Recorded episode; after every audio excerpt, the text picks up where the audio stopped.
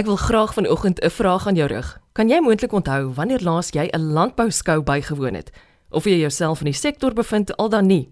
Moontlik is jou skoene steeds stowwerig na 'n onlangse besoek aan Nampo buite Botawil.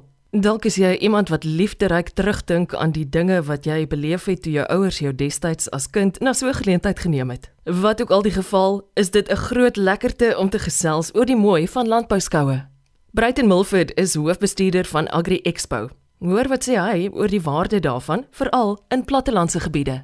Eloise eerstens ek dink um, vir Agri Expo is dit geweldig belangrik. Ons het um, onlangs deur 'n herstruktureringsproses gegaan en ek dink wat vir my uitgestaan het is dat dit is een van die afdelings waarop ons definitief gaan fokus. Ons gaan klem lê daarop en ons gaan kyk hoe ons dit kan verbeter want landbouskoue kom al vir byna 200 jaar in Suid-Afrika aan. En dit is vir my belangrik om dit te sê. Daar's nie ander feeste of so wat so lank aankom soos landbouskoue nie. Ons het verlede jaar die voorreg gehad, Verleerdorp skou was 100 jaar oud. 'n Paar jaar gelede was ek by Beaufort Weskou gewees. Hulle was 150 jaar oud die landbougenootskap. So ek dink die gemiddeld van die skoue in die Wes en Noord-Kaap is seker on, on, ongeveer 100 jaar oud. En ek dink dit alleen moet vir ons baie sê van die betekenis van landbouskoue in die platland. Ek dink ook landbouskoue speel daar 'n unieke rol dat hulle die landbougemeenskap bymekaar trek. Daar's soveel geleenthede binne 'n landbouskou en ek weet nie of dit altyd 100% benut word nie, maar dit is graag die rol wat Agri Expo en ek dink die departement van landbou in die Weskaap ook wil speel, is om daai geleenthede vir die skoue uit te wys en vir hulle te sê, weet jy wat, daar kan opkomende boere skoue wees. Daar kan jeugontwikkeling wees. Daar kan opleiding wees. Daar kan opleidingssessies wees. Daar kan landbouoggende wees en so meer. En vir my is dit belangrik dat dit moet die one-stop shop wees vir landbou op daai dorp. So landbouskou in die platland, jy kan net gaan kyk, die dorpe wat nog landbouskoue het, sê ek, ek het dit nou die dag gehoor, landbouskoue of dorpe wat landbouskoue nog aktief het en met wie dit goed gaan. Jy sien, gaan dit met die dorp ook goed. En dit is vir my belangrik en en en ek wil klem lê daarop dat daar waar die gemeenskap saamwerk vir die landbouskou, daar gaan dit goed met die landbouskou. So ja, baie geleenthede binne in landbouskoue in die platteland. Dis plaaslike ekonomiese ontwikkeling en dit is vir Agri Expo absolute voorreg om betrokke te wees by hierdie landbouskoue. Indien jy self 'n ouer of professioneel nuuskierig is soos ek, is 'n gereelde besoek aan landbouskoue leersaam vir almal. Ja, definitief. Ek meen ek het al by skoue gekom en dan sal 'n kind vir die eerste keer aan 'n koei vat of aan 'n bes vat. Ja, en en en daai oë wat so ophelder is net uniek. So daai arme kind het nog nooit gesien waar die melk vandaan kom en dis ook hier wat landbouskoue 'n rol moet speel. Ehm um, hulle speel tans 'n rol, maar ek dink ons kan hierdie rol self verder uitbrei. Om vir daai stedeling of vir die kind wat self op die platteland is maar wat nie op 'n plaas is nie te wys en te sê weet jy wat? So lyk rooibos tee as hy gesny is. So lyk in sy verwerkte vorm. So dit hoef nie net by diere te wees dit kan reg oor die landscape van landbou wees. Ek het die voorreg gehad om in Parys te wees by 'n skou SIMA en daar het hulle die verskillende kommoditeitsorganisasies gebring en gesê weet jy wat? Wys vir ons hoe lyk byvoorbeeld die graan kommoditeit daar in in, in Frankryk het het vir die mense uitstalling gewys om te sê weet jy dis koring dis haver dis rog dis korrog en so meer. En dis die goed waarna ons moet moet strewe is om vir daai Jan Alleman wat sy produkte by die by die supermark gaan koop En hy weet nie dalk waar jy weet wat is hierdie produk waar waarvan sy brood gemaak word of waarvan af kom hierdie melk wat in hierdie boks is. Dit moet hy kan sien by 'n landbouskou. En ja, ek stem saam met jou. Ek wil ook vir jou sê dat ek dink ek het onlangs en ek wil dit graag vertel in die hand van 'n voorbeeld. Juis by die Klein Willem onlangs se Klein Willem landbouskou Een van die departement se landbou ehm um, voorligters, Rihanna van Rensburg was daar en sy het 'n 'n plaaskind gebring wat sy leer wat sy geleer het om perd te ry op hulle eie plaas. En daai kind het na die skou toe gekom en hy kind het 'n roset gekry en die judges het hom geweldig baie geniet. En hy self kom uit baie moeilike omstandighede en hier staan hierdie jong sien en het 'n baadjie aan net 'n das aan en mense klap vir hom hande. Weet jy wat se lewenservaring dit in so 'n kind se lewe speel? Ehm um, wat se omwenteling ondergaan so 'n kind? So ek dink dit is die goed, dis die klein dinge wat ons moet raak sien wat op in die, op die ou ende van die dag iets baie groter vir daai individu kan beteken.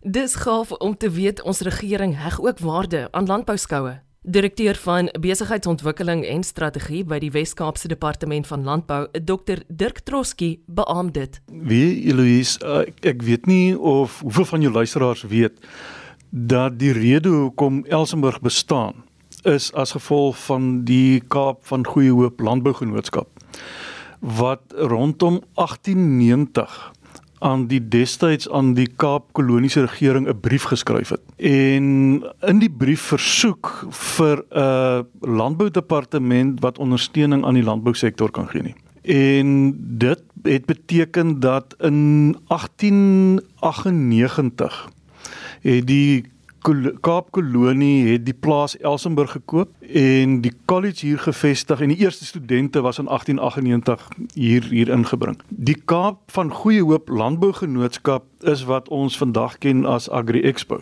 Jy weet as wat handel dryf. Dit is waar ons betrokkenheid so die die die vennootskap tussen die departement en Agri Expo kom nou al meer as 120 125 jaar aan. Nou op 'n stadium so 10 jaar terug het ons as departement het gaan kyk en gesê maar hoor hierso daar ons weet daar is daar is 6800 kommersiële boere in die Weskaap en omtrent so 9900 kleinskaalse boere in die Weskaap. Ons het 'n opname onder hierdie boere gedoen en hulle weet nie wat ons doen nie. Jy weet as jy baie keer as jy na 'n boer toe gaan dan sê jy man bedoel die departement van landbou vir my? Jy weet wat wat doen die staat vir my? Die staat doen niks. Daar is eintlik 'n klomp goed wat ons doen en ons het toe nou besluit, okay, ons wil nou in 'n proses ingaan waar ons ons dienste en wat ons vir ons kliënte beskikbaar het en kan lewer. Uh, ons wil dit aan hulle bekendstel. En ons het nou mooi gedink, jy weet, so hoe doen ons dit nou op die mees effektiewe manier? Een opsie is ons kan nou 'n tent opslaan in die hoofstraat, jy weet, of op die hoek van Hoofstraat en Kerkstraat en dan nou die ouens wat nou daar verbykom innooi. Maar gaan ons die regte kliënte kry? En toe besef ons hoorie so man, maar daar is 'n klomp skoue in die in die Weskaap. Ons kliënte is by die skou, so in steede daarvan om nou 'n uh, unieke aktiwiteit op sy eie te maak, wil ons eerder hande vat met die verskillende landbouskoue en hulle ondersteun en dan nou daar of ons dienste beskikbaar stel of ten minste net 'n teenwoordigheid het sodat die uh, ons kliënte, die boere in die provinsie, die vrymoedigheid het om ons te kontak en te sê meneer of mevrou, wat kan julle vir my doen? En dit is hoekom ons dan nou ook uh die afgelope tyd hande vat met Agri Expo en met die verskillende landbouskoue in die provinsie. En dit is ook so dat daar daad by die woord gevoeg word. Kyk, okay, in, ons het in in hierdie stadium ons ons het 'n bewuslike besluit geneem hierdie jaar en as ek nou sê ons is in die bestuur van die departement.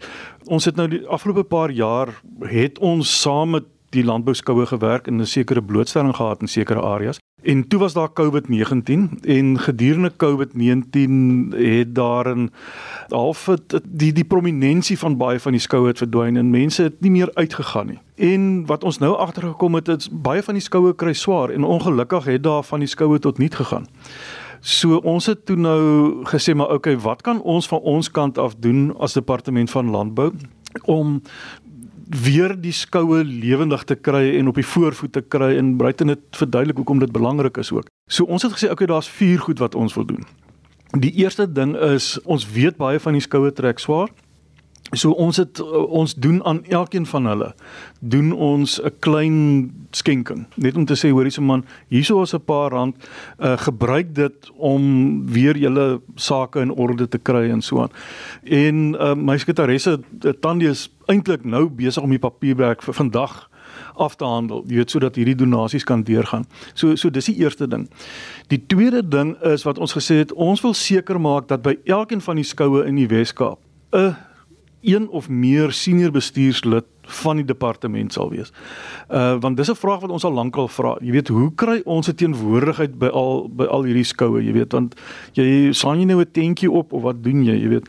Maar ons wil hierdie jaar wil ons een of meer senior bestuurslid van die departement by elkeen van die skoue in die Wes-Kaap hê en ek sit hierso met 'n rooster voor my van wat die mense gaan doen. So ons sal nog met die presidente van elkeen van die skoue skakel en sê hoor hierso man, die volgende persoon sal teenwoordig wees. Die derde ding wat ons wil doen is ons het dan nou by 4 van die skoue het ons besluit om dan nou 'n uh, 'n uitstalling te doen. En dit gaan wissel uh, afhangende van die aard van die skou, so byvoorbeeld by Nampo Kaap gaan ons baie meer in ons tegnologie uh blootstelling gee weet van wat die tegnologie wat ons doen ons hommeltuie Cape Farm Mapper jy weet daai stukke gereedskap wat ons vir boere kan bied en navorsingsresultate en so aan. By van die ander skoue soos byvoorbeeld George skou gaan ons ook wees, maar daar en ons gaan ook met tegnologie want ons proefplaas uit Unikwa is net oor kan die pad. So daar is ook van die tegnologie. Maar ons wil daar meer 'n groter blootstelling ook gee aan jong mense, aan kinders want ons weet die aard van George skou is totaal anders as Nampo Kaap. So daar's baie kinders wat deurkom so ons college die ontwikkelingsinisiatiewe al daai soort van goed wil ons daar meer na vore bring.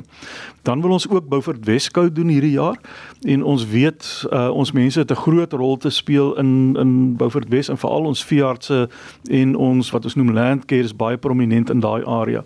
So dit is tot 'n groot mate wat ons daar gaan doen en dan die vierde skou wat ons dan wil doen is aan volgende jaar ook weer die Klein Willem skou wat ons 'n groter bydrae wil maak. So so dis die derde inisiatief en dit skakel ook met wat ons doen, jy weet, om, om aan ons kliënte uh, beskikbaar te stel. En en dan die vierde aksie is wat ons nou doen. Jy weet om met ander woorde die geleentheid te gee vir Bruiten en die skoupresidente en so aan om te sê hoor hierso uh, kom besoek ons skou bring julle voete bring julle kinders geniet die Saterdag of die Vrydag of wat ook al en stap deur kom vryf die perde en wys vir julle kinders waar die melk vandaan kom wat vanoggend oor die pap was.